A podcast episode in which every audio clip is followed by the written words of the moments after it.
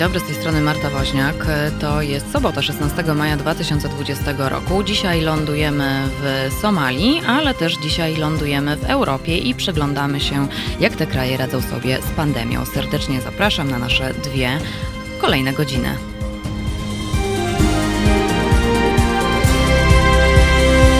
Halo Radio to jeszcze raz dzień dobry. Pozwolę sobie tylko przypomnieć, o czym dzisiaj będziemy rozmawiać tak troszeczkę szerzej, bo będziemy, lądujemy w Afryce. Lądujemy w Afryce, lądujemy w Somalii, bo okazuje się, że to jest kraj, który ma szansę wykorzystać dobrze politycznie pandemię, a o tym zaraz opowie nam dr Jędrzej Czerep. Natomiast o godzinie 12 łączymy się ze Zbigniewem Stefanikiem, naszym polskim korespondentem we Francji Francji w Strasburgu, który opowie nam, jak Francja sobie radzi z wyjściem z lockdownu, ale też przyjrzymy się innym krajom europejskim. Także e, proszę zostać z nami. Państwu zawsze będę przypominać, żeby się Państwo z nami kontaktowali.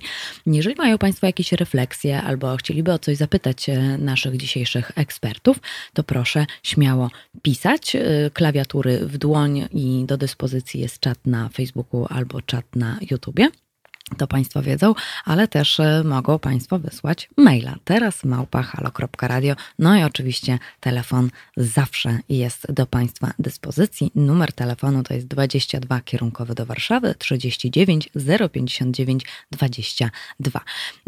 Jeden z naszych e, słuchaczy, e, widząc zajawkę wczoraj, kiedy wrzucałam na Facebooka, stwierdził, że czytam mu w myślach, bo ostatnio czytał o Somalii i bardzo się ucieszył, że właśnie akurat e, dzisiaj lądujemy w tym kraju. Także serdecznie pozdrawiam. W końcu jesteśmy medium obywatelskim, pozwoliłam sobie tak zażartować. Z, ze mną i z Państwem na łączach teraz dr Jędrzej Czerep. Halo, halo, słyszymy się? Dzień dobry, tak. Polski Instytut Spraw Międzynarodowych, analityk do spraw Afryki subsaharyjskiej. Więc e, może e, najpierw zacznijmy tak po prostu ogólnie może, zróbmy sobie od ogółu do szczegółu czyli właściwie jak Afryka radzi sobie z pandemią, bo myślę, że w takiej ogólnej świadomości my myślimy sobie z punktu widzenia Polski, e, Europy, że e, Afrykę trochę spisaliśmy na straty. Nam jest tutaj ciężko, to co będziemy się tą Afryką przejmować? Jak tam sytuacja wygląda?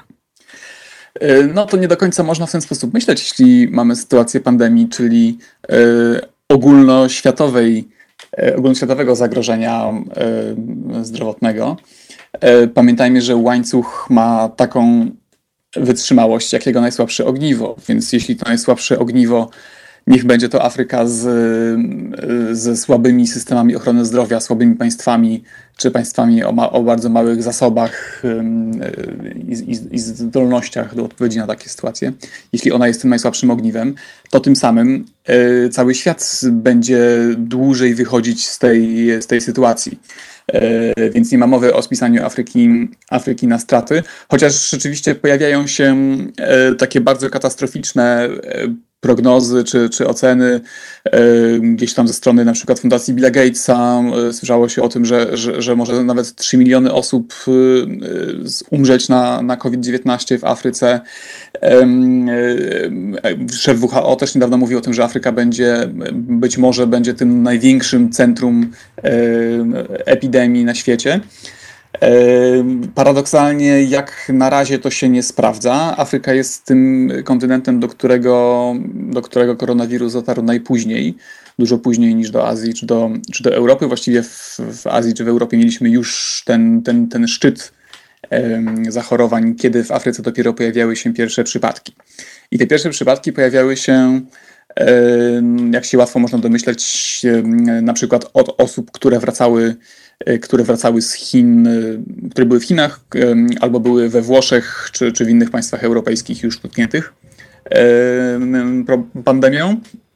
Często byli to biznesmeni, osoby jakby lepiej sytuowane, e, dyplomaci, na przykład członkowie delegatury Unii Europejskiej w Gwinei, w zachodniej Afryce. Pierwszy przypadek w tym państwie gdzieś indziej francuscy żołnierze z misji stacjonujących w Nigrze, więc ten personel międzynarodowy, dyplomatyczny, powiązany z, z Azją lub Europą. To, było, to był początek, gdzieś początek marca, tak przełom lutego, marca, gdzie się pojawiały te pierwsze przypadki. E, do dzisiaj mamy ich, mamy je już w we wszystkich państwach kontynentu, na całym ostatni kraj Lesoto kilka dni temu zanotował pierwszy przypadek, ostatni kraj, który się uchował, e, ale nadal te, te, te liczby nie są, zbyt, nie są zbyt wysokie porównując z resztą świata. To jest około 75 tysięcy dziś w całej Afryce, a w Afryce subsaharyjskiej, jeśli nie liczyć Republiki Południowej Afryki, która jest trochę osobnym przypadkiem i, i największym centrum jakby zachorowań na, w tej części świata. Jeśli nie licząc, nie licząc tego państwa, to jest jakieś 38 tysięcy, e, ale statystyki mogą być bardzo dziurawe i tak naprawdę możemy nie wiedzieć, jaka jest skala, skala problemu takim państwie, na przykład jak Sudan, pierwszy przypadek pojawił się, został potwierdzony dopiero po zgonie e, pacjenta, który, który, który wrócił niedawno z, z, z e, Emiratów Arabskich. E, ponad tydzień był w kraju, potem zachorował, zmarł, więc można się tylko domyśleć, ile osób na swojej drodze, na swojej drodze spotkał. Jeśli w Somalii, o której będziemy mówić dzisiaj więcej, ostatnio głos zabrał, zabrał E, prezydent stołecznego Mogadiszu, który mówił, że może być tych, może być przypadków śmiertelnych 10 razy więcej niż to, co się notuje, co, są, co, co, co widać na przykład po ruchach, po ruchach na cmentarzach, o tym, jak wiele jest, jest pochówków w stosunku do normalnej sytuacji. Więc każdy kraj prowadzi własne statystyki swoimi metodami i takimi środkami, jakie są mu dostępne, więc y, trzeba brać to w duży, w duży nawias. Tym niemniej na pewno e, koronawirus do Afryki dotarł najpóźniej z całego świata i jak na razie jeszcze e, chyba się nie rozwinął do, swojej, do swojego no, w swojej pełni, więc jeszcze chyba czekamy na ten, na ten szczyt. Tutaj, e, przepraszam, że tak mówiłam, a propos tego, że spisaliśmy Afrykę na stratę, ale ostatnim razem, kiedy akurat rozmawiałam z Polską Akcją Humanitarną i mówiliśmy o głodzie, o tym, co WHO, jedna z agent mówiła właśnie a propos, e, a propos głodu, to organizacje humanitarne były dość przerażone tym, że pomoc może się przesunąć właśnie z tych krajów afrykańskich bardziej na północ, czyli na przykład w stronę Europy, dlatego, dlatego właśnie tak pomyślałam. A niewątpliwie, tutaj jest, tutaj jest pełna racja. Jeśli jeśli zasoby czy energia agent pomocowych ONZ-owskich czy, czy jakichkolwiek organizacji pozarządowych, która była w, kierowana w stronę Afryki na, na najbardziej pilne potrzeby, które, których jakby nie można odpuścić i nie można zastąpić, to w tej, a w tej sytuacji taka, taka pomoc jest równie potrzebna, na przykład wsparcie systemu ochrony zdrowia choćby we Włoszech czy, czy, czy w państwach y, tych rozwiniętych, to w naturalny sposób pojawia się luka finansowa, czy, czy, czy w postaci y, y, zasobów, czy, czy, osób, które, które tam ten które działają na, tym kierunku, którą jakoś trzeba zasypać, jakoś trzeba uzupełnić. I właściwie jedynym pomysłem takim na szybko sensownym, który się pojawił, który, który jest realizowany, a Somalia e, będzie tym państwem, który, który, który chyba najwięcej na tym skorzysta, jest e, redukcja zadłużenia, a dokładnie rzecz biorąc obsługi zadłużenia, czyli tych procentów, które rosną, albo tych, tych takich już długów, które, to, to, nie są te pieniądze, które ktoś pożyczył i teraz ma oddać, tylko te, które gdzieś tam potem narosły na, na w ramach odsetek na kontach bankowych, czy, czy, czy, zaległości, które potem się mnożą i gdzieś tam przerzucają z miejsca w miejsce. Takich, yy, jeśli mówimy o Afryce subsaharyjskiej, to to jest kwota około chyba prawie 50, 40-50 miliardów yy, dolarów, które mogłyby w zasadzie prostym ruchem księgowym, paroma podpisami zostać uwolnione mm, w tych państwach po to, żeby zostały wykorzystane na walkę z koronawirusem, na wzmocnienie systemu ochrony zdrowia, a nie na e, no, niekończącą się spłatę rosnących procentów. I to rzeczywiście się, to rzeczywiście można robić i, to, i to, to się dzieje w tym sensie, te środki nowe się pojawiają. A czy właśnie e, politycznie, gospodarczo e, w Afryce mogą pogłębić się różnice właśnie przez koronawirusa? No, Afryka w stosunku do reszty świata jest w o tyle w gorszej sytuacji, że mm, łatwo jest, łatwo jest decyzją polityczną, czy później z pomocą policji, czy wojska zamknąć miasta, zamknąć sklepy, zamknąć życie gospodarcze na, bez odwołania, aż, aż minie zagrożenie. Natomiast w, pamiętajmy, że większość osób e, w Afryce subsaharyjskiej e, żyje z taką, z takim, taką gospodarką na własne potrzeby.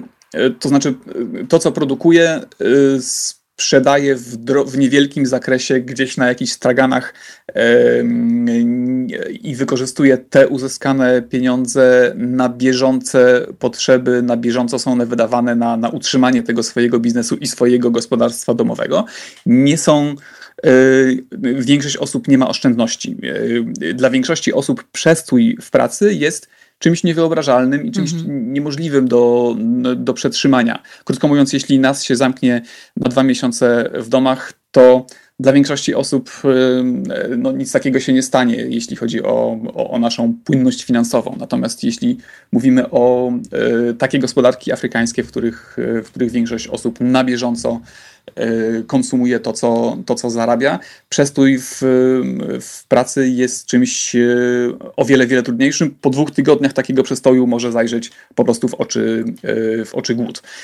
Więc nie, nie ma co się dziwić, że w wielu państwach afrykańskich pojawiają się bardzo silne napięcia, pojawiają się zamieszki nad tym i ludzie są o wiele bardziej zdesperowani, żeby, żeby wrócić do pracy co oczywiście jest niebezpieczne z powodów epidemicznych.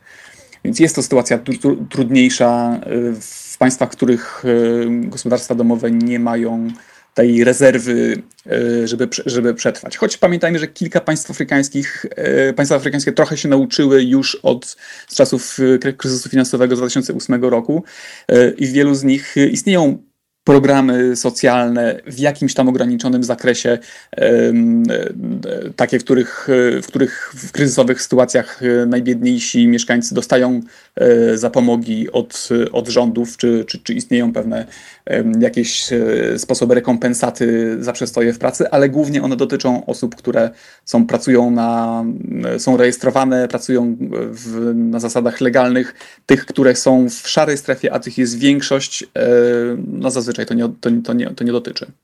Tutaj y, wiem, że pewnie nie można tak wartościować, co jest gorsze, koronawirus y, czy jakieś inne y, katastrofy, ale akurat wskazuje tutaj jeden z naszych słuchaczy bądź, bądź słuchaczek. Plaga szarańczy i susza w Zambii jest większym zagrożeniem. Wiadomość od tamtejszego nauczyciela.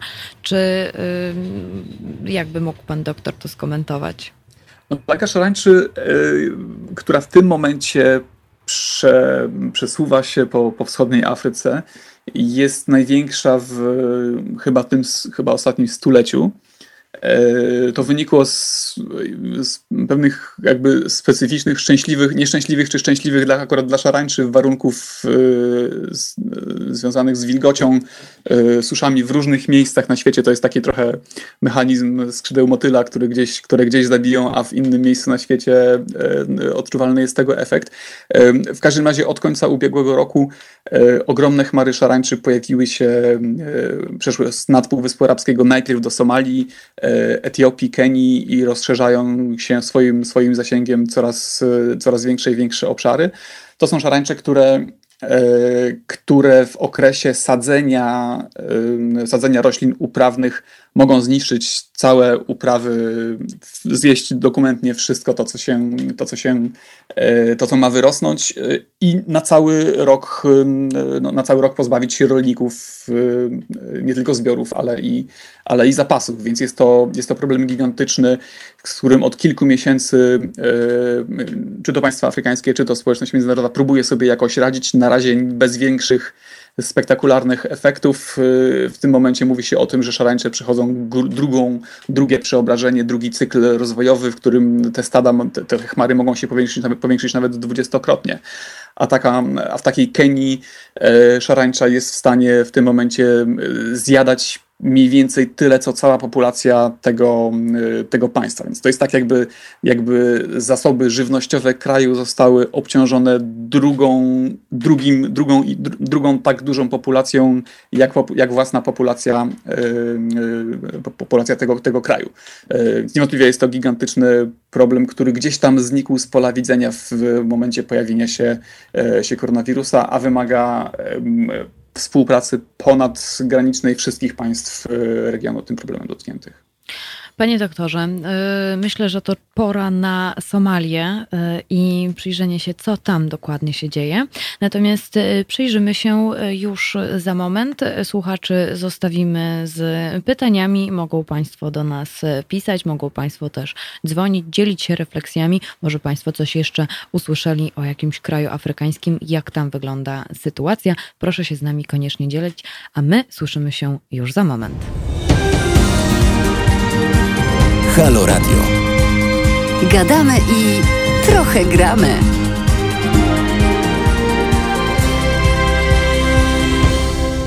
Są Państwo po tej drugiej stronie, co mnie bardzo cieszy. Zadają Państwo również pytania. Panie Marku, Pana pytanie zadamy troszeczkę później, bo najpierw musimy się wprowadzić, e, właśnie musimy trochę wyruszyć do tej Somalii, się zorientować, gdzie właściwie jesteśmy. Panie doktorze, skupimy się na Somalii. To nie jest takie łatwe, bo kto właściwie rządzi Somalią? E, no tak, większość pewnie z, z, Państwa, czy z osób, które się nie interesują Afryką lub, Som lub Somalią w szczególności e, bliżej, e, większość, w większości pokutuje, pokutują obrazy z filmu Helikopter w ogniu z, sprzed 20 lat, który, który mówi, o, mówi o sytuacji w Somalii w latach 90. Kiedy było tam, była tam, trwała tam wojna wszystkich ze wszystkimi, kiedy państwo, struktury państwa nie istniały, Somalia istniała tylko na mapie, e, natomiast nie działały żadne instytucje, nie było żadnego rządu centralnego e, i poszczególne milicje poszczególnych klanów czy poszczególnych wataszków e, walczyły między sobą o, o przewagę czy o, o, o zasoby. To się od, tego, od tamtego okresu sytuacja bardzo się zmieniła czy posunęła do przodu. Istnieją władze centralne. Od, od 2007 roku jest, jest w Mogadiszu e, uznawany przez świat e, rząd który ma, który ma swoją administrację. Z tym, że ta administracja zawsze była, e, zawsze była słaba, zawsze jej, jej wpływy nie wychodziły daleko poza granice stolicy kraju, czyli, czyli Mogadiszu. Nie jest to też jedyna, nie jest to też jedyny rząd, bo mamy ich w kraju kilka. Na połud w południu kraju, w regionie Szabelli mamy nadal, mamy nadal pozostałości takiego, takiego, takiego jakby państwa islamskiego e, prowadzonego przez e, ekstremistów e, muzułmańskich z organizacji Al-Shabaab, która jest lokalną filią Al-Kaidy. Jest to właściwie no, immanentna część Al-Kaidy którzy kontrolują znaczną część kraju i tam, tam również mają, prowadzą swoje, prowadzą swoje rządy według radykalnej, ekstremalnej interpretacji, interpretacji szariatu, ale też, ale też no, to miejsce przez długi czas było, było bardziej preferowane przez, przez biznesmenów niż te, które kontroluje rząd centralny, bo było po prostu mniej skorumpowane.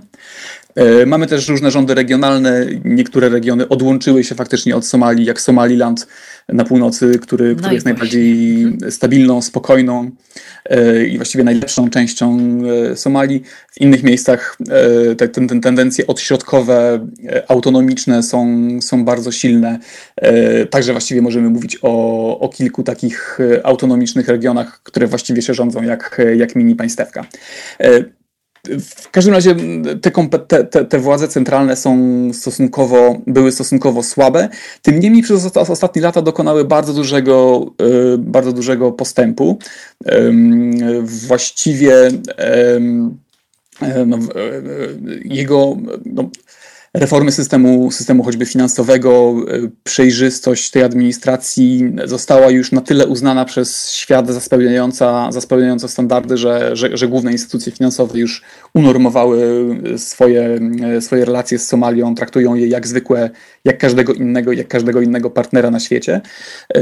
Somalia zresztą bardzo próbuje zaistnieć na arenie międzynarodowej jako normalny podmiot, normalne państwo, które nie tylko bierze pomoc, ale też ją daje. E, w, we Włoszech w czasie szczytu, w czasie szczytu pandemii w Bergamo pojawili się lekarze z Somalii, 20 e, lekarzy z Somalii, którzy pomagali, którzy pomagali Włochom, czyli swojej dawnej metropolii kolonialnej. Mhm. E, jeden z głównych, z, z głównych polityków somalijskich, z kolei doradca, doradca doradca przewodniczącego parlamentu przeznaczył swoją pensję na pomoc potrzebującej Turcji, e, która wtedy, która wtedy prowadziła taką zbiórkę publiczną na wsparcie swojego, e, swojego systemu ochrony zdrowia.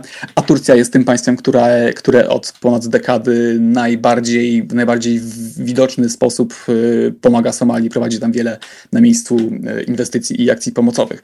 Więc w tych dwóch przypadkach to było bardzo symboliczne, w którym ta pandemia została bardzo umiejętnie, tak wizerunkowo, PR-owo wykorzystana przez władze, żeby pokazać, hej, istniejemy, nie tylko jesteśmy tą czarną dziurą, do której trzeba wrzucać y, pomoc, a która, która nie ma dnia, a, dna, ale też sami y, potrafimy wyrazić solidarność z innymi potrzebującymi na świecie, nawet o wiele silniejszymi, y, silniejszymi od nas. Więc niewątpliwie, niewątpliwie coś, się, coś się zmienia. Jeśli chodzi w ogóle o samą, o samą o samą przejrzystość czy sprawność działania tej machiny państwowej w Somalii, E, to przy okazji pandemii e, na przykład rząd otworzył, e, otworzył stronę internetową po raz pierwszy, która, która monitoruje, monitoruje i przedstawia raporty z wykorzystania wszystkich wszystkich środków pomocowych, które, które trafiają do tego, do tego państwa, wszystkich projektów realizowanych, czy to przez organizacje pozarządowe, A, żeby była taka transparentność. Czy to przez organizacje międzynarodowe żeby była transparentność, żeby, żeby nie, no każdy mógł zobaczyć, gdzie te środki się, gdzie te środki są, co się z nimi dzieje i czy, czy nie jest tak, że one gdzieś po drodze giną, jak w wielu miejscach na świecie. Co zresztą jest, pandemia jest w Afryce świetnym momentem, w którym obywatele mogą zażądać od swoich władz większej transparentności, większej wydajności, większej skuteczności i domagać się podwyższenia e, standardów po to, żeby te pieniądze nie ginęły i żeby były wykorzystywane tam, gdzie są potrzebne. W Somalii niewątpliwie to się, e, to się, to się dzieje. Ostatni punkt, jaki, jaki, jaki mogę powiedzieć, to, e, to dojrzewanie Somalii w końcu do do normalnego, takiego e, standardowego na świecie systemu, systemu politycznego. Przez ostatnie ponad 10 lat e, władze były dobierane na zasadzie, na zasadzie takiego klucza klanowego. Była taka słynna złota formuła 4,5, która oznaczała, że na każde 10 stanowisk 4,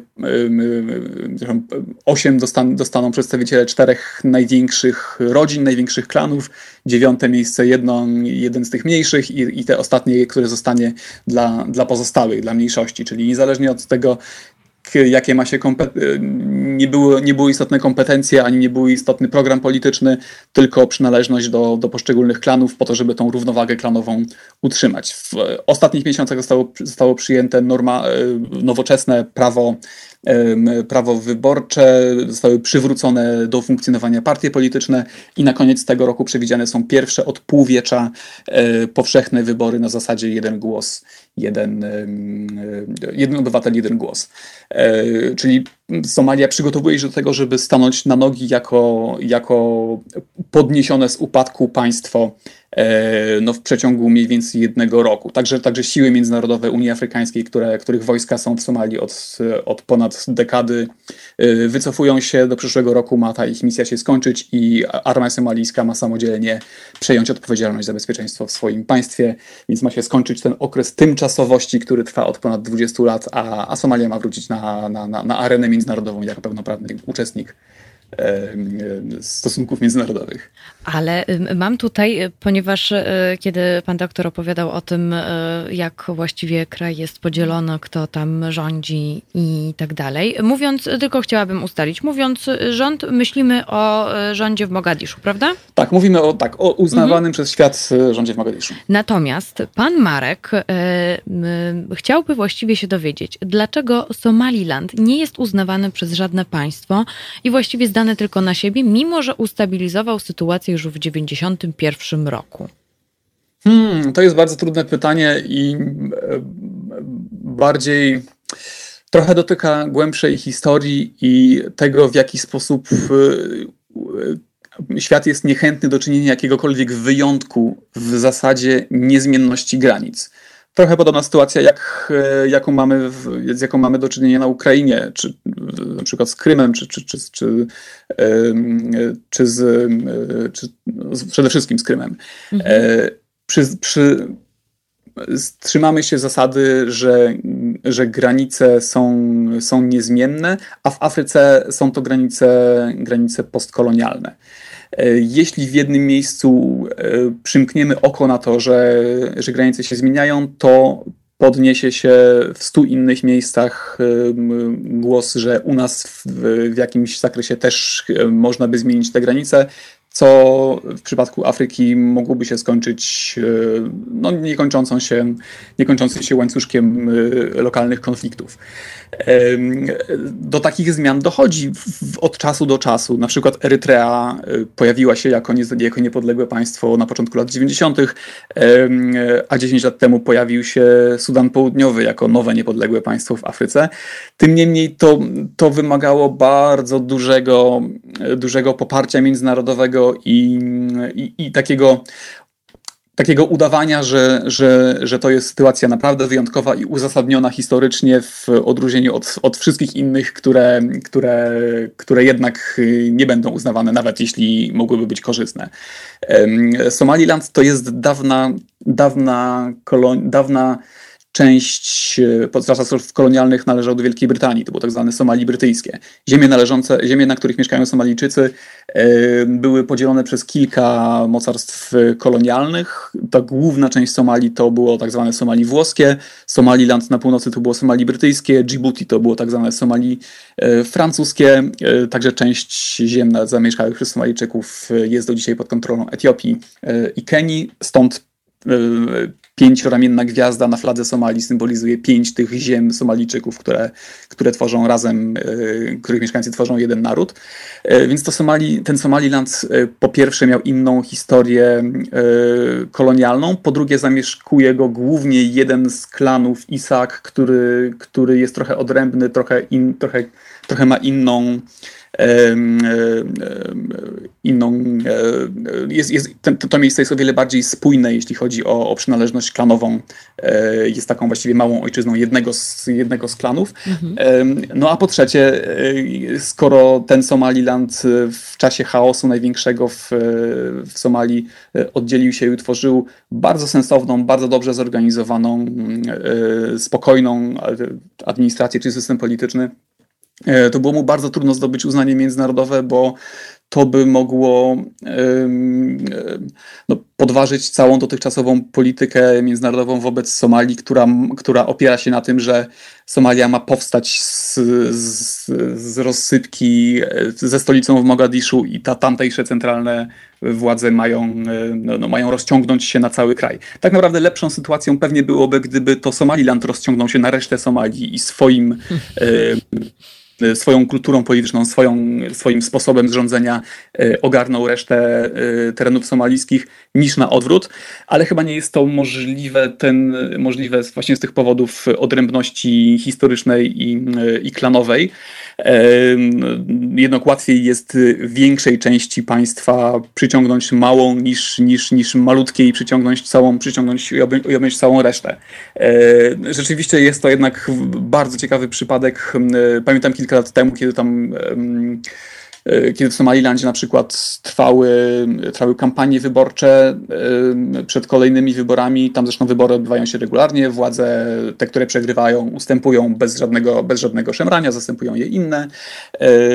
Partie polityczne na przykład podzieliły się dniami tygodnia, żeby prowadzić swoje agitacje na ulicach. Jedna partia e, wychodzi na ulicę w poniedziałek, inna partia wychodzi na ulicę w środę, jeszcze inna, jeszcze inna w, w sobotę, po to, żeby nie wchodzić sobie w drogę, nie, nie powodować niepotrzebnych napięć i, i, i problemów. Tam jest taki dosyć umiejętnie zrobiony, zrobiona mieszanka systemu e, wybór takiego, takiego demokratycznego z reprezentacją starszyzny jako, jako taka wyższa izba parlamentu, trochę na zasadzie Izby, izby Lordów w Wielkiej, Wielkiej Brytanii, jeśli możemy tak powiedzieć. E, bardzo ciekawe miejsce, bardzo spokojne. E, jeśli ktoś tam trafi, to może się zdziwić, że, że, że to jest też Somalia. E, to tutaj chciałabym nawiązać. Panie Marku, mam nadzieję, że pytanie zostało odpowiedź pan uzyskał, natomiast jedziemy dalej, bo tutaj Al-Shabaab, tak powinno się wypowiadać? No tak, tak chyba będzie najpierw. Bo się pisze aż Shabab i stąd moja wątpliwość. Polska, w polskiej pisowni pisze się aż Shabab, ale w międzynarodowej na miejscu, gdyby pani powiedziała al-Shabab, to wszyscy by zrozumieli o co, o co chodzi. To znaczy po arabsku młodzież, czyli ruch młodych. Właśnie to chciałam się zorientować, jak się właśnie wygląda sytuacja, bo mhm. E, tak, e, tutaj e, czy czytałam właśnie biuletyn pism, czy teraz jak pan doktor o tym opowiada, to mówi właśnie, że jednak no, to jest taka afrykańska Al-Kaida, tak, Al-Shabaab.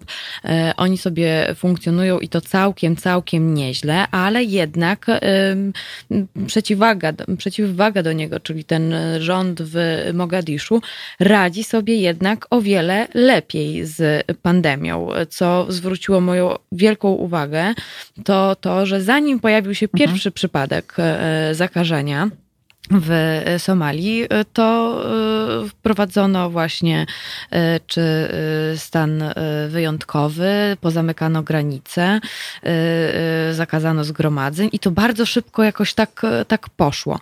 Więc chciałabym się zorientować, co takiego robi właśnie jeszcze rząd może lepszego, a co takiego właśnie ta lokalna wersja Al-Kaidy, ten Al-Shabaab. Jak różnią się te dwa działania wobec pandemii? No różnią się przede wszystkim, znaczy podstawowa, podstawowy atut, który w tym momencie ma i może wykorzystywać rząd i, i go zresztą wykorzystuje, e, to jest racjonalne podejście do, do, do problemu epidemicznego, wykorzystujący zdobycze, zdobycze wiedzy medycznej i, i praktykę, praktykę międzynarodową. E, jeśli podejdzie się do problemu pandemii w sposób, e, w sposób ideologiczny, e, jakiś taki fantastyczny, jak próbowało to już kilka, kilka państw na świecie, to efekt będzie odwrotny do zamierzonego. Więc przewagą władz centralnych w Mogadiszu nad ekstremistami islamskimi z Al-Shabaab jest podejście, podejście zdroworozsądkowe.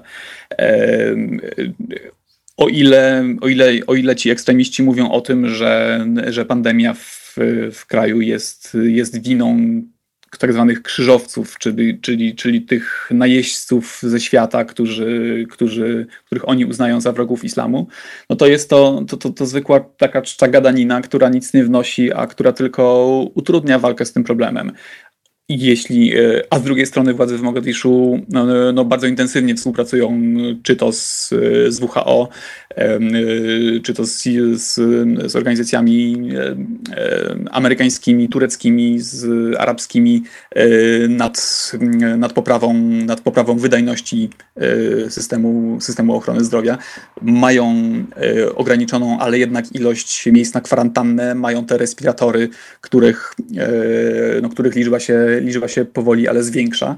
Mobilizują środki, mobilizują lekarzy. Zresztą WHO już e, jeszcze w styczniu zaczęło szkolenia lekarzy w w, Somalii właśnie na kierunku leczenia, leczenia COVID-19, wiedząc o tym, że wcześniej czy później ta, ta choroba tam dotrze. Więc już 500 lekarzy było przygotowanych konkretnie do, do, do obsługi pacjentów z COVID-19, zanim ta, zanim ta choroba się pojawiła. A na, a na terenach objętych władzą ekstremistów islamskich z Al-Shabaab no nic takiego się nie działo. Tam no, nie, funkcjonuje, nie funkcjonuje w ogóle system ochrony zdrowia. Jeśli już to lekarze, lekarze są porywani i przez ekstremistów i, i tam przetrzymywani, czy w ogóle in, innego rodzaju specjaliści, inżynierowie czy, czy, czy, czy, czy technicy, słynni lekarze kubańscy, którzy już chyba od dwóch lat są, są przetrzymywani w rękach, w rękach ekstremistów z Al-Shabaab. No ale takim, ty, tym, że raz na jakiś czas uda się porwać gdzieś w jakimś innym miejscu kilku lekarzy, no to tym się, nie, tym się jeszcze e, epidemii nie zwalczy. E, nie ma, nie ma takiego całościowego, e, nie ma całościowej takiej racjonalnej polityki skierowanej do ludności po to, żeby ten, zachowywać ten dystans, żeby wprowadzać wszystkie środki ochrony A tu rząd centralny wykorzystuje na przykład imamów, tak? Tak. Y, mówiliśmy na początku o tym, że rząd centralny ma bardzo słabą legitymację, y, słaby, niewielki zasięg, niewielki, jego, administracji, niewielki posłuch, tak naprawdę nie, niezbyt dobrą renomę wśród mieszkańców. Y, dlatego próbuje tą nadrobić tą, te, te zaległości wykorzystując imamów, wykorzystując nauczycieli szkół koranicznych i różnego rodzaju uczonych muzułmańskich, którzy chodzą lub chodzą po ulicach z megafonami albo z minaretów y, y, podają ogłoszenia o tym, żeby, e, żeby, żeby, żeby nie gromadzić się w większe grupy, o tym, żeby, żeby myć ręce, opatrując je barwnie cytatami z, z Koranu albo z, albo z hadisów, czyli opowieści o życiu proroka Mahometa, które są akurat, które akurat pasują do tej obecnej sytuacji. Jest wiele takich przypowieści e, koranicznych czy, czy, czy, czy z tradycji muzułmańskiej, które mówią o, właśnie o higienie, o, o myciu rąk. E, one są, one są dopasowywane do bieżących realiów. E, krótko mówiąc, ci, ci, ci duchowni e, przedstawiają te zalecenia WHO czy zalecenia rządu jako jako zgodne z tradycją muzułmańską, czy, czy podbudowane jeszcze autorytetem, autorytetem tradycji, który dla, dla mieszkańców jest, jest ważniejszy niż, niż to, co mówi rząd. Więc efekt tego jest taki, e, że skuteczność rządu w docieraniu do mieszkańców się zwiększa. E, ma, ma większy, ma dużo, ma w tym, władze mają w tym momencie dużo większy posłuch niż, e, niż miały to jeszcze kilka miesięcy temu.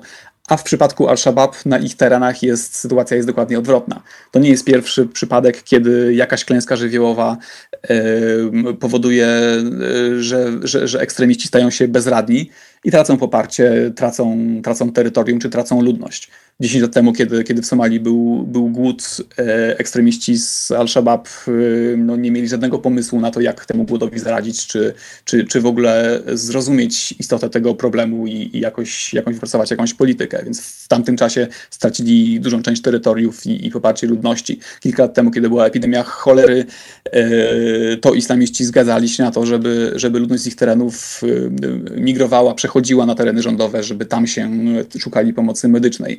W tym przypadku jest, no, dynamika idzie w tym samym kierunku, że, że, że ludność odwróci się od ekstremistów i, e, i chętniej będzie szukała pomocy u władz centralnych, które jakkolwiek ograniczoną, ale jednak jakąś pomoc są w stanie, e, są w stanie, są w stanie przekazać. Panie doktorze, zrobimy sobie chwilę przerwy, bo jeszcze jest parę rzeczy do omówienia, ale wracamy do naszych słuchaczy już za moment e, z Państwem Walking in Memphis, ale mamy tutaj też pytania od słuchaczy, więc musimy e, po przerwie muzycznej, och, znowu mówię przerwa muzyczna, nie mogę tak mówić, e, to do nich wrócimy i odpowiemy. Proszę z nami zostać.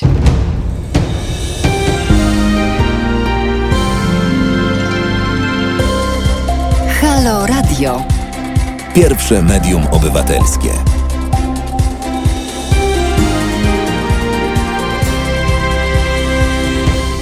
Na zegarach 11.47 i oj, oj, oj, oj, już tak malutko czasu mamy, na, a pytań jest bardzo, bardzo dużo, ale to zacznijmy od e, pytania e, słuchacza bądź słuchaczki Baju Baj.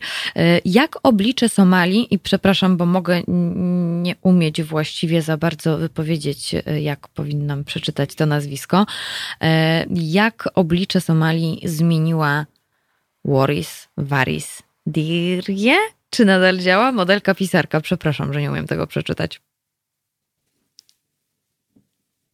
Panie doktorze, halo, halo? Waris Dirje to jest jedna z najbardziej znanych Somalii. Tak? Czy mnie słychać? Tak, tak, tak, słychać, słychać, słychać. Po, powtarzam sobie e, po prostu e, imię i nazwisko.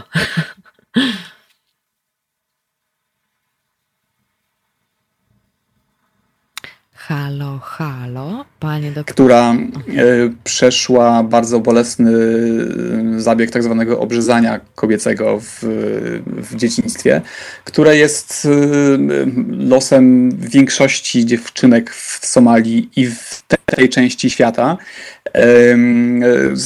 Jej wystąpienie, czy jej ujawnienie się, czy mówienie głośno o tym problemie tak naprawdę uświadomiło światu, że takie zjawisko istnieje i że, i że należy, z nim, należy z nim walczyć. E, niewątpliwie odniosła efekt i zmieniła Somalię. W, w konstytucji somalijskiej z 2012 roku pojawił się zakaz e, obrzezania kobiecego. Inna, inna kwestia jest e, taka, czy w tradycyjnych rodzinach ta praktyka dalej jest stosowana, czy nie. O wiele trudniej jest zmienić tradycję w poszczególnych domach niż wydać jakiś zakaz. Tym niemniej, na przykład w, sąsiednim Sudanie kilka dni temu władze przyjęły, przyjęły ustawę kryminalizującą obrzezanie kobiece i w, w tej części świata bardzo wyraźnie ta praktyka jest w odwrocie jest, stosuje się jej coraz mniej. E, więc Waris jest zdecydowanie, zdecydowanie zwróciła uwagę świata nie tylko na Somalię, i, ale, i te, ale i ten region i na poważny problem e, no, dyskryminacji kobiet, które, które, które, która, tam, które tam ma miejsce. Waris e, jest też jedną z najbardziej znanych postaci z somalijskiej diaspory, a musimy pamiętać, że diaspora e, Somalijczycy, mimo że ich kraj jest jednym z najbiedniejszych na świecie, są ludźmi bardzo przedsiębiorczymi, bardzo dobrze zorganizowanymi, bardzo pracowitymi, utalentowanymi i w wielu miejscach na świecie tworzą, tworzą społeczności, które odnoszą sukces. E, ale przy okazji tej pandemii okazało się, że Somalijczycy na świecie, na przykład w Europie czy, czy w Ameryce Północnej, padają dużo częściej niż, niż te społeczeństwa goszczące ofiarą pandemii czy, czy, czy COVID-19. W wielu państwach, takich jak Wielka Brytania, e, Norwegia, Finlandia, gdzie są spore społeczności somalijskie, okazuje się, że Somalijczycy zapadają na, na COVID-19 nawet dziesięciokrotnie częściej Ojoj, niż reszta mhm. E, społeczeństwa w tym, e, w tym kraju. Och, mam, przerywa nam jakoś tak niedobrze. E, to tak, tak, tutaj pan doktor mówił, że Somalijczycy, którzy właśnie funkcjonują w Europie. Opieki, opieki domów opieki społecznej. Słyszymy się. Czy, czy, czy kierowcy autobusów e, no, szczególnie narażają ich na, na zakażenie, a po drugie mieszkają w dużych rodzinach, w, często w warunkach stosunkowo gorszych niż, niż reszta kraju, w jakichś blokowiskach, e, w dużych, dużych zwartych społecznościach, gdzie jest o wiele trudniej o ten, o ten dystans i, i siłą, rzeczy, siłą rzeczy dochodzi do kolejnych zarażeń. Tak więc społeczność diaspory somalijskiej jest bardzo silnie w tym momencie dotknięta, a przelewy finansowe od diaspory to była ważna część gospodarki, ważna część dochodu dla, dla gospodarstw domowych w Somalii, nawet szacowana na półtora miliarda dolarów rocznie, która w tym roku ewidentnie tąpnie i, i, i będzie tych pieniędzy dużo mniej, co tym bardziej tym bardziej, no, tym bardziej potrzeb, mobilizuje potrzebę znalezienia innych e, środków przez rząd Somalii. Tutaj mnie słuchacze poprawiają Kwiat Pustyni. No tak, tak, kojarzę. Kojarzę tę książkę, nie czytałam. Tak, słynna książka. Mo, może powinnam, ale, ale akurat, więc bije się, bije się w pierś. Mm, tutaj, e, tutaj akurat e, jeszcze jest do pytania, czy ona też jakoś nie wprowadziła nowego przedmiotu w szkołach w Somalii, on, w Somalii o nazwie pokojowość, czy jakoś tak? Pojawiło się coś takiego, panie doktorze? Oj, tu nie jestem w stanie odpowiedzieć niestety, czy, czy, czy za jej pomocą e, taki przedmiot się udało wprowadzić. E, znaczy, z, z, pewnością pojawiło się dużo organizacji, które, które zajmują się konkretnie tym, tym tematem przemocy wobec kobiet czy dyskryminacji kobiet.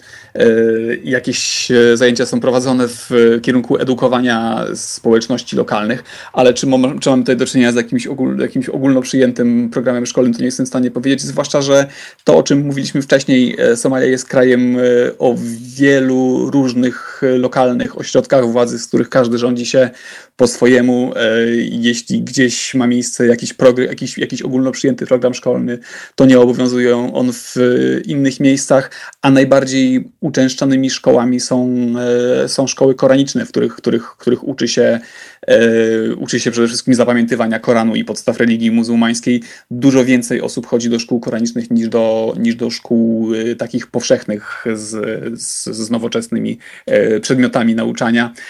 Więc jeśli coś takiego ma miejsce, to zależy to w dużym stopniu od, od, od, od warunków w tej konkretnej szkole trudno mówić jest o wprowadzeniu jakiegoś powszechnego e, przedmiotu w całej Somalii. Tutaj widzę e, fanki, e, ponieważ pani Agnieszka z kolei napisała, czytałam Kwiat Pustyni, bardzo poruszająca historia, mam tę książkę przy sobie, teraz polecam, bardzo przybliżył mi dramat kobiet Somalii. Może ostatnie pytanie właściwie już na koniec, bo kiedy rozmawialiśmy a propos tego, co jeszcze warto powiedzieć, to wspominał tutaj pan doktor o czacie. To też dobrze to wypowiadam w takim wypadku? Tak.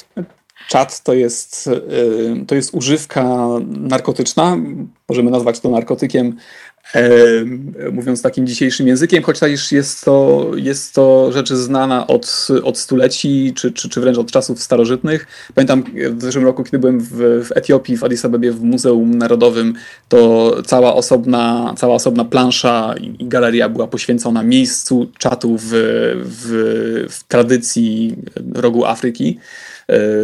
To jest roślina, takie świeże liście, które się, które się żuje, które daje taki efekt, efekt takiego kopa, e, po którym nie chce się spać, ma się więcej, ma się więcej energii, szybciej się myśli, wydajniej się, wydajniej się pracuje.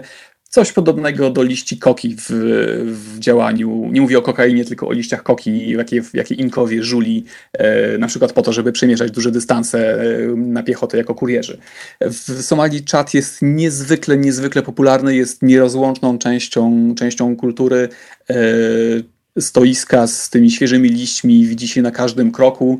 E, miliony osób e, żują czat. Najczęściej są to mężczyźni, którzy w ciągu dnia robią sobie taką, e, taką czatową przerwę od pracy czy od obowiązków rodzinnych, którzy gdzieś tam siadają i te liście, i te liście żują.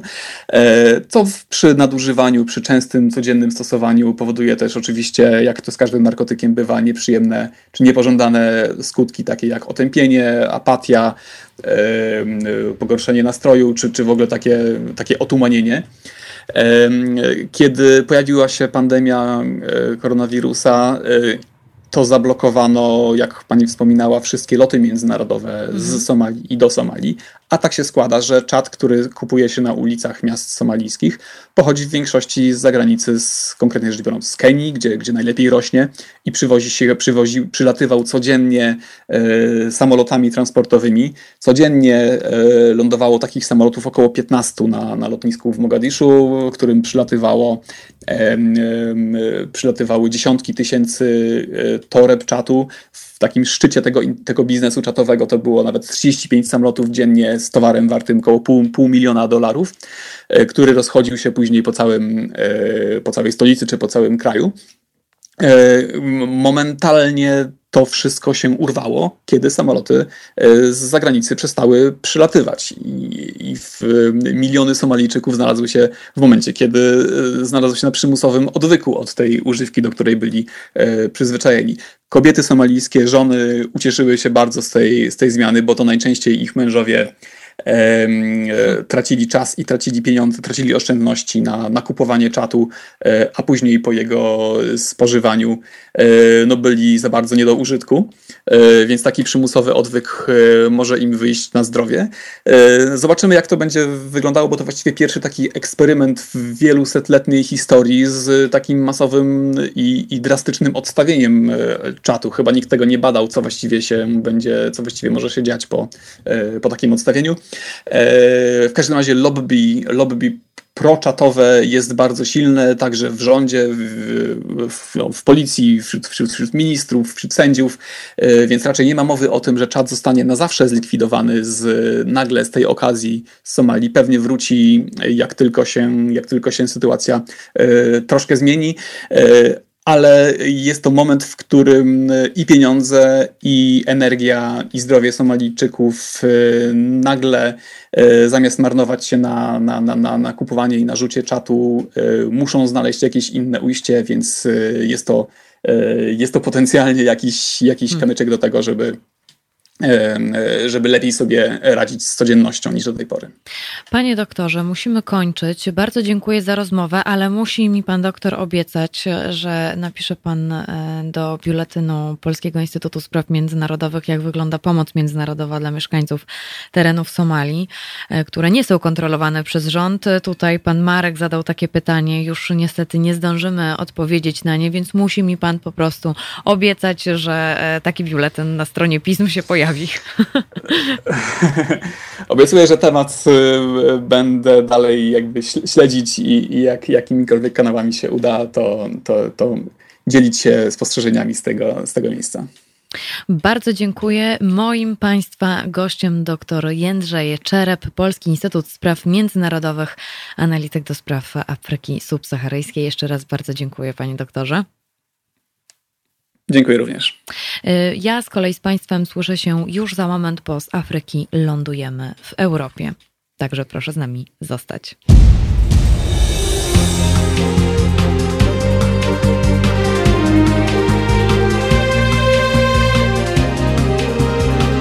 Halo Radio. Nic się nie zmieniło w tej przerwie. Przed mikrofonem Marta Woźniak. Witam Państwa serdecznie. Ci, którzy teraz się do nas dołączyli, to przypominam, że można się cały czas z nami kontaktować.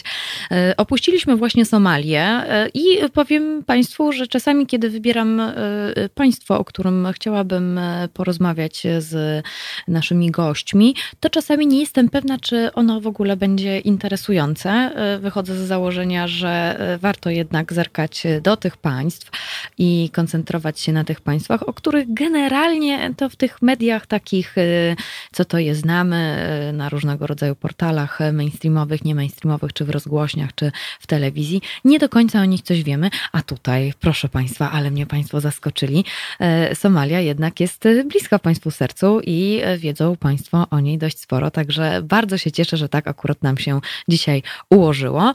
Myślę, że do rozmowy o Somalii i w ogóle o Afryce jeszcze będziemy często wracać, bo wydaje mi się ten kontynent fascynującym, e, tak samo jak Ameryka Południowa, ale to już bardziej e, mnie fascynuje. Jeżeli mają Państwo jakieś propozycje albo pomysły, o jakim kraju warto byłoby powiedzieć i w jakim kontekście szczególnie, to proszę koniecznie dać e, znać woźniak małpa halo.radio. Na teraz, natomiast teraz na zegarach 12.04 jesteśmy teraz, wracamy do Europy. Wracamy do Europy, to jest takie troszeczkę nam bliżej, przyglądamy się w sumie, jak inne kraje sobie radzą z mm, luzowaniem obostrzeń w związku z lockdownem. E, przyglądamy się z uwagą, a teraz już moim i Państwa gościem pan Zbigniew Stefanik. Halo, halo. To będę to Państwa. Bardzo się cieszę, Panie Zbigniewie, że się słyszymy. Dawnośmy się nie słyszeli. No faktycznie, tak. Również się cieszę. Zawsze przyjemność z Panią porozmawiać ze słuchaczami. O, to bardzo, to bardzo miło. Proszę Państwa, jeżeli, e, jeżeli mają Państwo jakieś e, pytania, refleksje albo coś się Państwo dowiedzieli e, ciekawego, o czym nie powiemy, to telefony, telefon, klawiatura jest do Państwa dyspozycji z całą, dyspozycji z całą pewnością. Panie Zbigniewie, zanim ja zadam Panu pierwsze pytanie, to chciałam zrobić taki krótki raport z Europy. Co się wydarzyło w ostatnim, co się akurat wydarzyło w ostatnim czasie, bo tak, no teraz właściwie w tym tygodniu. Słowenia jako jedyny kraj ogłosiła koniec epidemii i właśnie premier obwieścił koniec, koniec tego stanu. Dwumilionowy kraj w czwartek wieczorem dokładnie podkreślono, że udało się ujarzmić koronawirusa, no a sama Słowenia jest w najlepszej sytuacji pod względem sanitarnym w całej Unii Europejskiej. W Czechach z kolei e, rząd i parlamentarzyści obniżyli swoje pensje, a granice chcą otworzyć już w czerwcu, takie są przynajmniej plany. Jeżeli chodzi o Wielką Brytanię, e, ale również o Włochy, to tutaj jest ten Sytuacja jest taka, że akurat lekarze teraz w pocie czoła ratują e, dzieci, które najwyraźniej zachorowały na jakąś dziecięcą odmianę koronawirusa i przypomina to trochę chorobę Kawasaki. Jeżeli chodzi o e, kraje państwa bałtyckie, Litwa, Łotwa i Estonia, to tutaj one otworzyły dla siebie nawzajem o godzinie 24 w nocy z czwartku na piątek granice i właściwie tworzą taki pierwszy w Unii Europejskiej po pandemii taką strefę wolną od ograniczeń w podróżowaniu. Z kolei w Niemczech y, otwarto również ruch na granicach z Francją, Austrią, Luksemburgiem i Szwajcarią. On zostanie przywrócony dzisiaj, w sobotę. Został przywrócony. No i tutaj przyjeżdżający do Niemiec, y, o ile nie wracają z Włoch czy Hiszpanii, nie będą już musieli, musieli przechodzić 14-dniowej kwarantanny. My z kolei teraz, y, to tak bardzo szybko pyk, pyk, pyk, y, zrobiłam taki przegląd. Y, tutaj y, wracamy do, teraz będziemy się koncentrować na Francji, bo i chyba w ogóle się skoncentrujemy z panem Zbigniewem właśnie na tych krajach basenu Morza Śródziemnego. Pamięta pan naszą ostatnią rozmowę, panie Zbigniewie? To było trochę nie do wyobrażenia, że Francuzów można zatrzymać w domu, a jednak teraz możemy mówić o rozluźnieniu lockdownu. Jak Francuzi na niego reagują? No cóż, e, we Francji rozpoczęło się e, rozumienie lockdownu w poniedziałek, czyli 11 maja. E, nie obyło się jednak bez incydentów związanych z systemem prawnym. Otóż okazało się, iż w pierwszych godzinach poluźnienia właśnie, czy, czy wdrożenia też pierwszej fazy wdrożenia kwarantanny, prawo sanitarne zobowiązane nie zostało przyjęte, ponieważ wystąpiły pewne trudności biurokratyczne, administracyjne i okazało się, że przez kilkadziesiąt godzin nie obowiązywało mm, to prawo, które miało towarzyszyć e, tej pierwszej fazie. Pierwsza faza we Francji od wdrożenia e, lockdownu ma potrwać do 2 czerwca.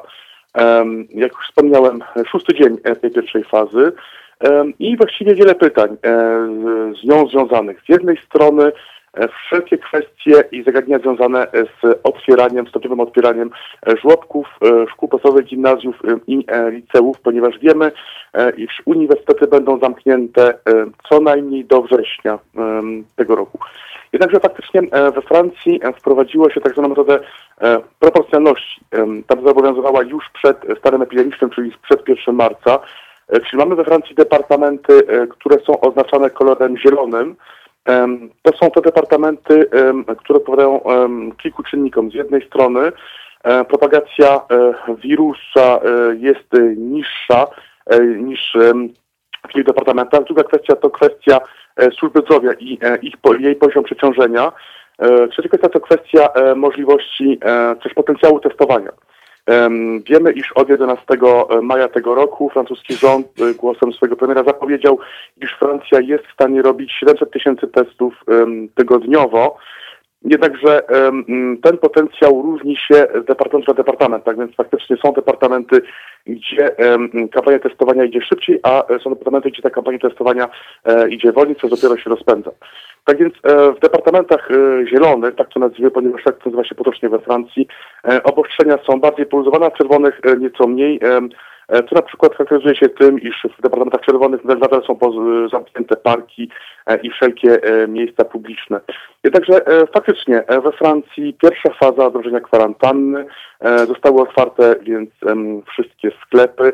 Francuzi mogą wychodzić z domów bez tak zwanego zaświadczenia, o którym mówiliśmy również zdaje się na Państwa antenie. Tak, możemy przypomnieć, co to było za zaświadczenie? Tak, tak, tak. Zaświadczenie było tak naprawdę drukowane z, z z portalu francuskiego MSW. Należało je wypełnić, wpisać motyw wyjścia, swojego wyjścia z domu. Tutaj właściwie było pięć motywów dopuszczalnych jeśli e, nasz motyw pasował do e, tych, które są, były dopuszczalne, to wówczas unikało się e, mandatu. Jednakże faktycznie podczas kwarantanny francuska policja i żandarmeria dokonały około 18 milionów kontroli, z czego wystawiono około miliona mandatów w związku z nieprzestrzeganiem kwarantanny, z czego najniższy mandat wynosił 135 euro. Tak więc faktycznie te oświadczenia już są konieczne w dwóch tylko wyjątkach. E, pierwszy wyjątek e, to e, um, używanie komunikacji miejskiej w regionie paryskim, czyli w tym regionie najbardziej zaludnionym we Francji, a drugi motyw to oddalanie się od swojego miejsca zamieszkania dalej niż 100 kilometrów, ponieważ na tym etapie, w pierwszej fazie odmrażania kwarantanny, Francuzi nie mają prawa oddalać się na większą odległość niż 100 kilometrów od swojego miejsca zamieszkania.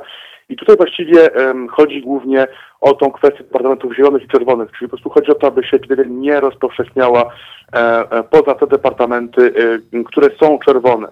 E, ponieważ faktycznie od samego początku e, walki z COVID-em e, władze francuskie przyjęły tak zwaną metodę klasterów, czyli w klasterach obowiązywały większe obostrzenia i nadal tą metodę stosuje, czyli identyfikuje klastery i próbuje gasić w tych klasterach ogniwa COVID-19.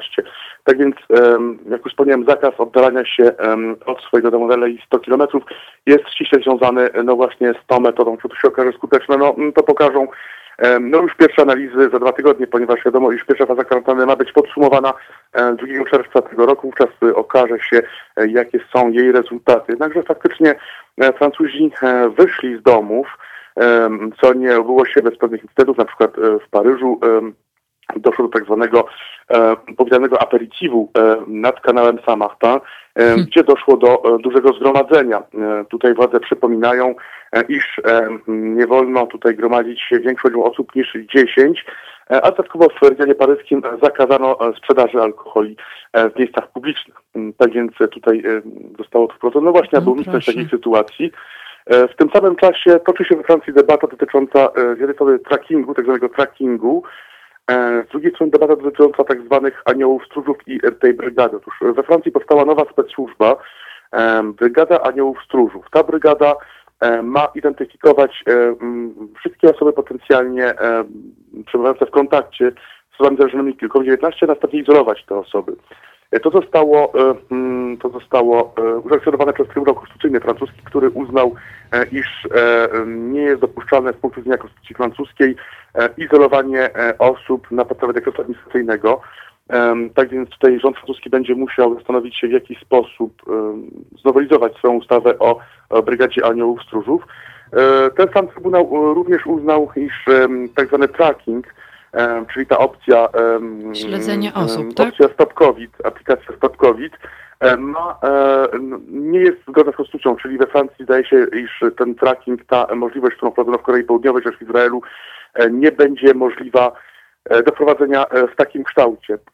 To więc powoduje, iż rządzący będą musieli uaktualnić swoją strategię, ponieważ faktycznie jednym z tych elementów tej strategii to właśnie tracking, który miał być nad Sekwaną wdrażany od 2 czerwca tego roku, jak również kwestia izolowania, automatycznego izolowania przez tak zwaną Brygadę Aniołów Stróżów wszystkie osoby zarażone E, przez COVID-19, jak i również osoby, które potencjalnie mogą być zarażone i e, muszą być poddane kwarantannie. E, wracając jeszcze na kwestie życie polityczne, otóż z jednej strony trwa debata dotycząca wyborów samorządowych. Jak wiemy, 15 marca tego roku odbyła się pierwsza tura wyborów samorządowych, co doprowadziło we Francji do niemałych kontrowersji. Tak więc pytanie, E, czy powinna zrobić się druga tura tych wyborów w najbliższych dniach, tygodniach, a jeśli nie, to kiedy? E, a być może wręcz powinno się, mówiąc kolokwialnie, skasować wyniki pierwszej tury e, w sytuacji, gdzie faktycznie frekwencja była bardzo niska, co nie pozostało bez wpływu na wyniki tych wyborów. To wszystko toczy się w sytuacji, gdzie już nie ma konsensusu politycznego wokół wyborów samorządowych, to konsensus, który obowiązywał w marcu i również w kontekście, gdzie przecież czekał nas nad Sekwaną E, kolejne wybory już w grudniu, czyli wybory do regionów, do rad regionalnych. E, tak więc pytanie, e, kwestie będą rozwiązane. Czy odbędzie się zgadza tych wyborów, czy też wybory odbędą się całkowicie od początku, a jeśli tak, to co z wyborami do regionów? Mm, to wszystko z pewnością przed nami.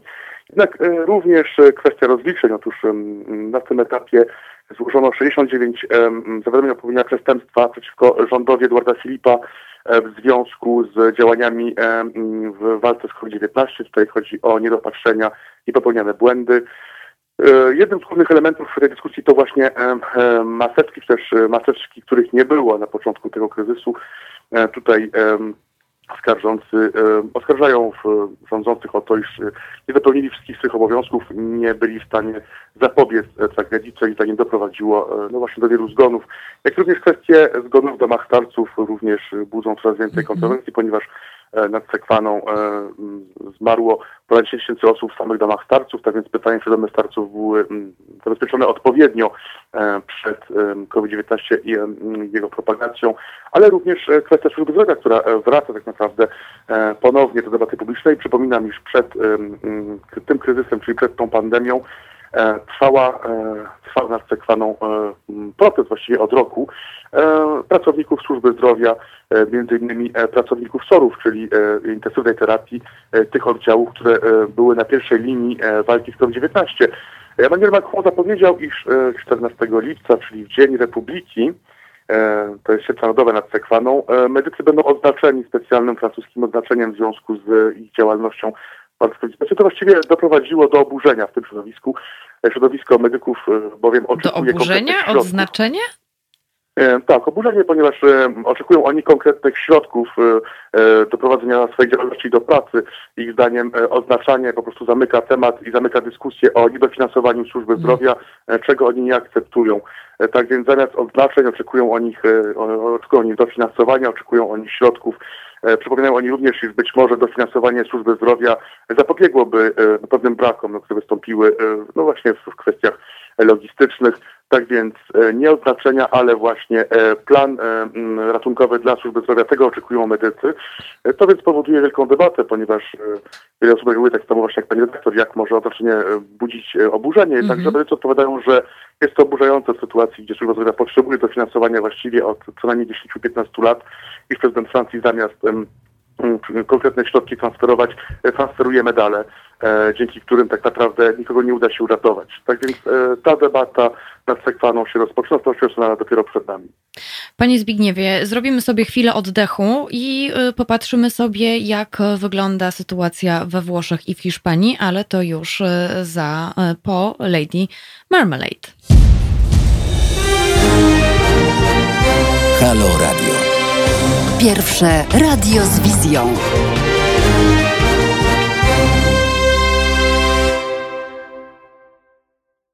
Państwa, cały czas czekam na Państwa e, informacje, co Państwo ciekawego e, dowiedzieli się, jeżeli chodzi o, o, blu, o, mm, o bluźnianie, to chyba niedobre słowo, o takie rozluźnianie lockdownu w Europie. E, proszę dawać koniecznie znać. Mogło się Państwo z nami kontaktować, czy to przez czat w transmisji na Facebooku, czy to przez czat w transmisji na YouTubie, ale też mogą Państwo napisać teraz małpa halo.radio. Ja cały czas czekam na Państwa informacje. E, no lub mogą Państwo po prostu wykonać za nas telefon, czyli 22 39 059 22. A jeszcze tego nie wspominałam.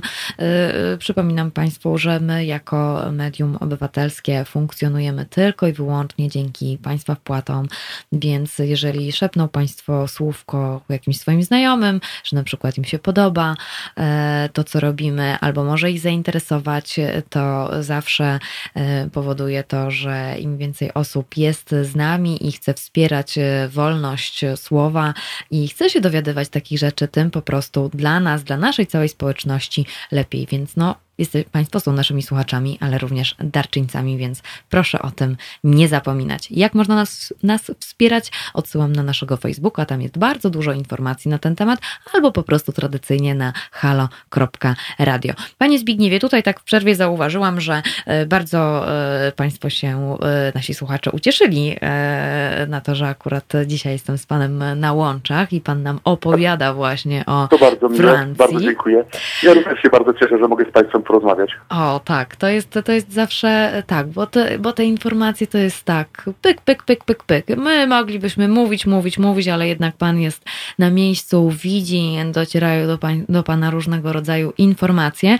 Natomiast chciałabym trochę wyjść dzisiaj akurat z Francji i na przykład przenieść się do e, Włoch, do, ale też do Watykanu, bo wczoraj właśnie e, w Rzymie i w Watykanie czyszczono Bazylikę Świętego Piotra i też kaplicę z grobem Jana Pawła II, no i ponad 300 innych kościołów i bazylik, bo w poniedziałek już mogą odbywać się tam z udziałem wiernych, a turyści mogą zwiedzać. Czy to są dobre kroki?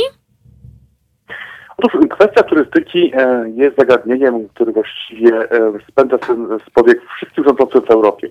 E, nie tylko w Watykanie, również w Berlinie no, trwa właściwie refleksja co do tego, jak doprowadzić, aby Niemcy jednak mogli wyjechać na wakacje, czyli mówiąc wprost, wesprzeć po prostu finansowo sektor turystyczny. Tak więc myśli się o możliwie wyjazdu na Majorkę. Jak do tego doprowadzić sytuację, gdzie faktycznie Hiszpania właściwie zaostrza kwarantannę e, dla turystów, ponieważ e, na terytorium Hiszpanii mogą tylko wjechać e, obywatele Hiszpanii. Obecnie wszyscy inni będą poddani 14-dniowej kwarantannie. To z pewnością blokuje, no nie ma całkowicie tego turystyczny. Na przykład we Francji również, gdzie przecież sektor turystyczny wynosi na ten moment około 7,5% rocznego PKB. E, do Francji e, w normalnym czasie przyjeżdża około 90 milionów turystów rocznie. E, jest to bardzo istotna branża francuskiej gospodarki. Tak więc pytanie również, jak w dobie kwarantanny, w dobie walki z COVID-19 wesprzeć ten sektor w okresie letnim, czyli w tym największym sezonie. Francuski rząd odpowiada obywatelom francuskim, wyjeżdżajcie na wakacje u siebie, czyli w swoim własnym kraju, wyjeżdżajcie do innych regionów. Francja ma przecież wiele do zaoferowania. Także te odpowiedzi tak naprawdę będą się różniły z punktu widzenia no właśnie sytuacji w danym kraju, jak i również danego rządu. Można ubolewać nad tym, iż nie ma tak naprawdę skoordynowanych działań na poziomie europejskim. Pani redaktor mówiła o otwieraniu granic. Tutaj również warto wspomnieć o tym braku koordynacji. No nie ma takiej jednej polityki europejskiej, która by koordynowała odmrażanie, otwierania granic. E, tak naprawdę odbywa się to na zasadzie e, dobrowolności i e, poszczególnych decyzji państw. Tutaj powtórzę ten przykład, zdaje się on być dość interesujący.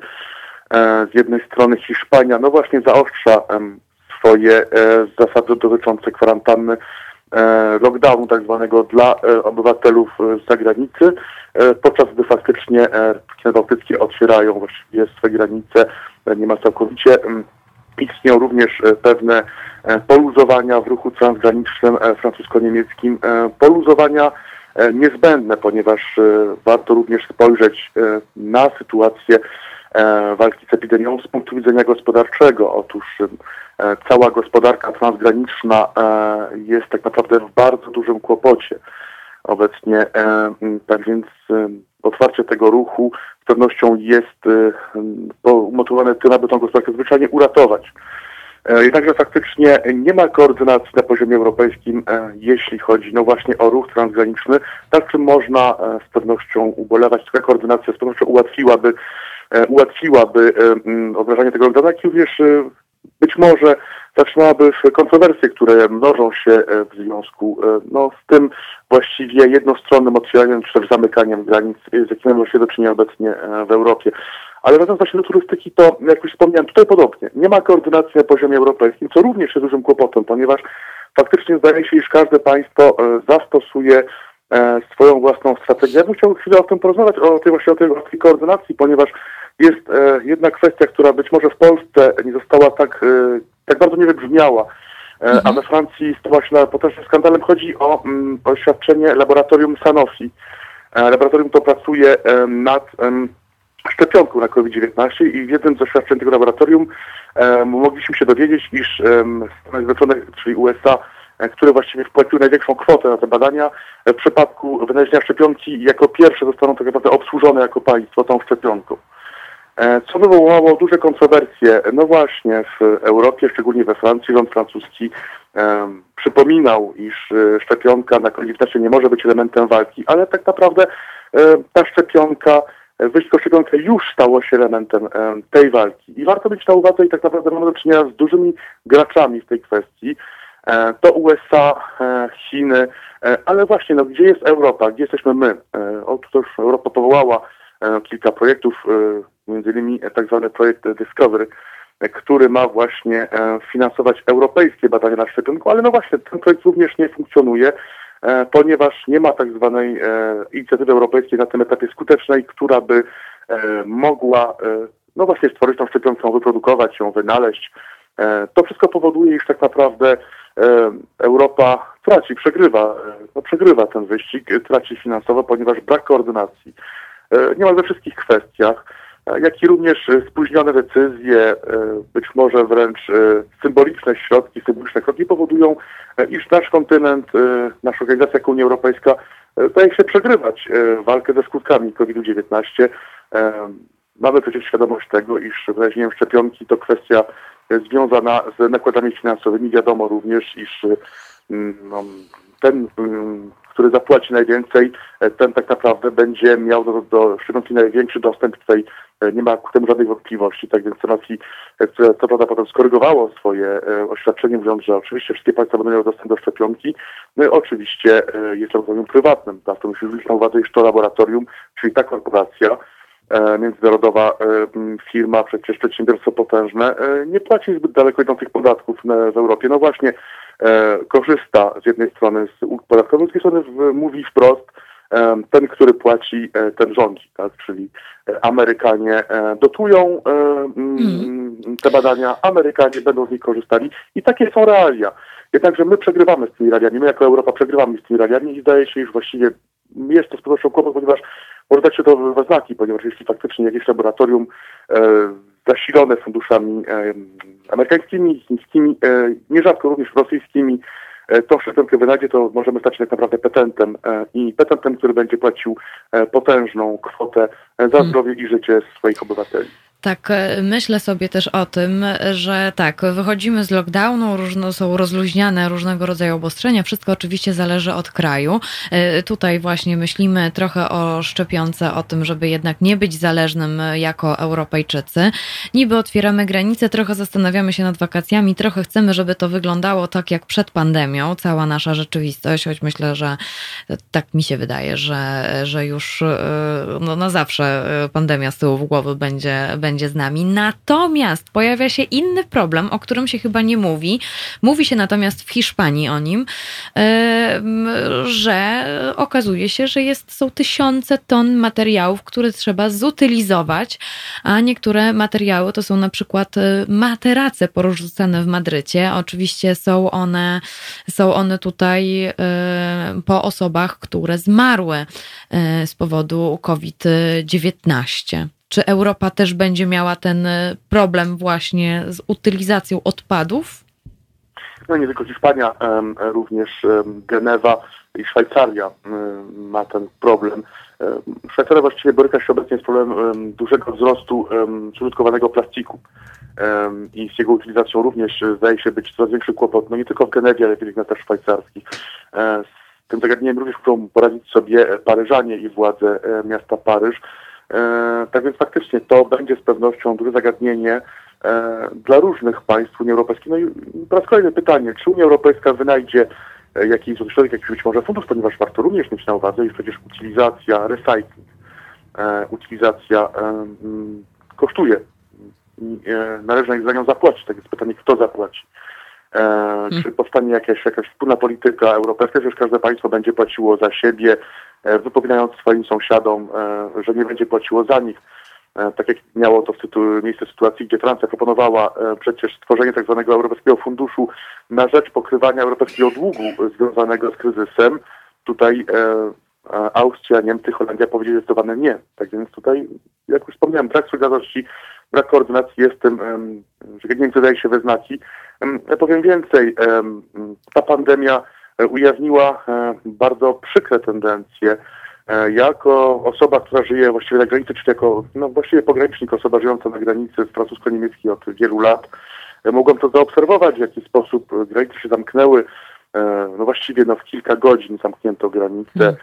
no przecież w strefie, która była de facto uznawana za jedną strefę. Przecież Strasburg wraz z miastem Kel i innymi miastami niemieckimi to tzw. Eurodystrykt, tak więc można było mówić o jednym podmiocie, a jednak granica zamknęła się de facto w kilka godzin, jak i również e, zamknęła się granica e, w ludzkich sercach, ponieważ okazało się raptem, że osoby, które żyją na tej przestrzeni już nie są obywatelami jednego, właściwie są Francuzami, Niemcami i właściwie przerzucano się odpowiedzialnością za epidemię.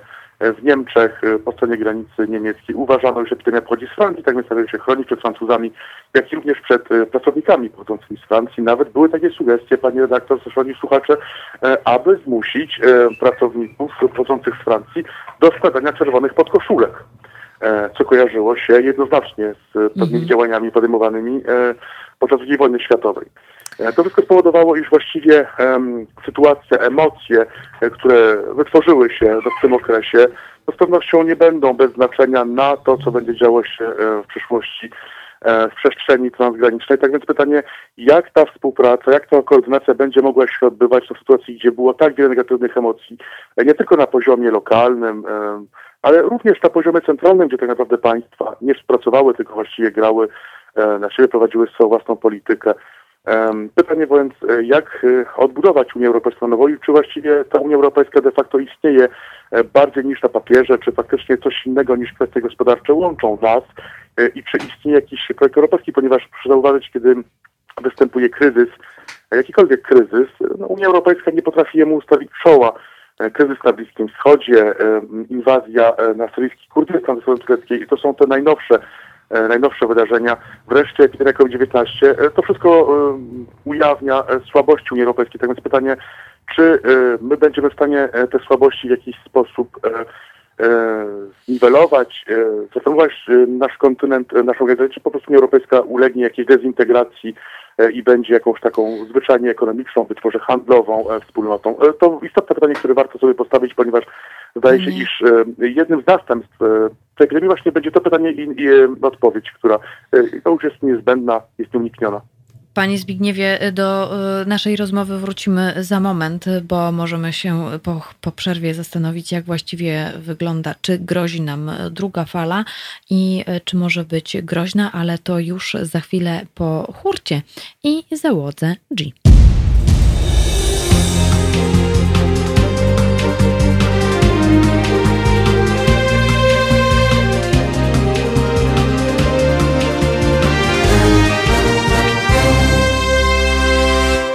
Gregory House pisze w Szkocji jedyne rozluźnienie to możliwość dodatkowego wyjścia z domu. Mako odpowiada. W Essex, gdy szłam w noc do pracy, to już prawie normalnie. Tłumy przy kebabie, zioło i mało laci na ulicach. Tak sytuacja wygląda w Wielkiej Brytanii. Y, natomiast na zegarach 12.41 to oznacza, że już powoli kończymy, panie Zbigniewie, ale tutaj już z miejsca zaklepuję sobie z panem czerwcową sobotę, także będę się odzywać z całą pewnością. Natomiast teraz jeszcze dosłownie w takich żołnierskich słowach, e, czy mógłby Pan skomentować, jak, czy grozi Europie druga fala w związku właśnie z rozluźnianiem sytuacji we Francji, w Wielkiej Brytanii, we Włoszech, w Hiszpanii, w Niemczech? E, w żołnierskich słowach e, to będzie tak, nikt tego nie wie. O, to za bardzo żołnierskie słowa. To znaczy, jeśli mogę rozwinąć w takim razie w być może nieco mniej żołnierskich słowach, Otóż trudno powiedzieć, ponieważ e, wiele ekspertyz tak naprawdę sobie e, przeciwstawia. Z jednej strony mamy ekspertyzę nad sekwaną e, doktora Raulta. Jest to profesor, który jest oczywiście obiektem kontrowersji, że faktycznie jest on czynnym aktorem tej debaty. On twierdzi, Didier Raoult twierdzi, iż epidemia właściwie się kończy. To jest jego opinia, jest on epidemiologiem, to jest jakby jego ekspertyza. Z kolei inni eksperci twierdzą, iż faktycznie E, być może druga e, fala nadejdzie jesienią. Mamy wreszcie przecież komunikat Organizacji Światowej Zdrowia, który twierdzi wręcz, e, iż być może COVID-19 nigdy nie zniknie jako choroba na świecie. Tak więc tego nie wiemy i tak naprawdę tutaj różne prognozy, różne modele wykluczają się nawzajem. Wiemy, iż być może, podkreślam być może, takim remedium jest zbiorowa odporność. Jednakże zdaje się, iż nigdzie na świecie do niej jeszcze nie doszło. Dla przykładu nad sekwaną Instytut Luisa Pastora ocenia, iż od początku epidemii zaraziło się COVID-19 około 5% Francuzów. Aby doszło do odporności zbiorowej, musiałoby zarazić się COVID-19 około 60% Francuzów, tak więc tutaj nie można mówić absolutnie o, o odporności zbiorowej. Wiemy również, iż kwarantanna doprowadziła do uratowania kilkudziesięciu tysięcy ludzkich istnień. Tak więc pytanie, co będzie dalej, e, jaki będzie skutek kwarantanny, czy te wszystkie poluzowania, e, jak również restrykcje, które jednak im towarzyszą, będą przestrzegane. Pytanie, na ile wspomoże w walce z epidemii e, masowe używanie maseczek na ulicach nie tylko w środkach komunikacji zdrowia, ale właściwie w każdym miejscu publicznym, również na zwyczajnej ulicy.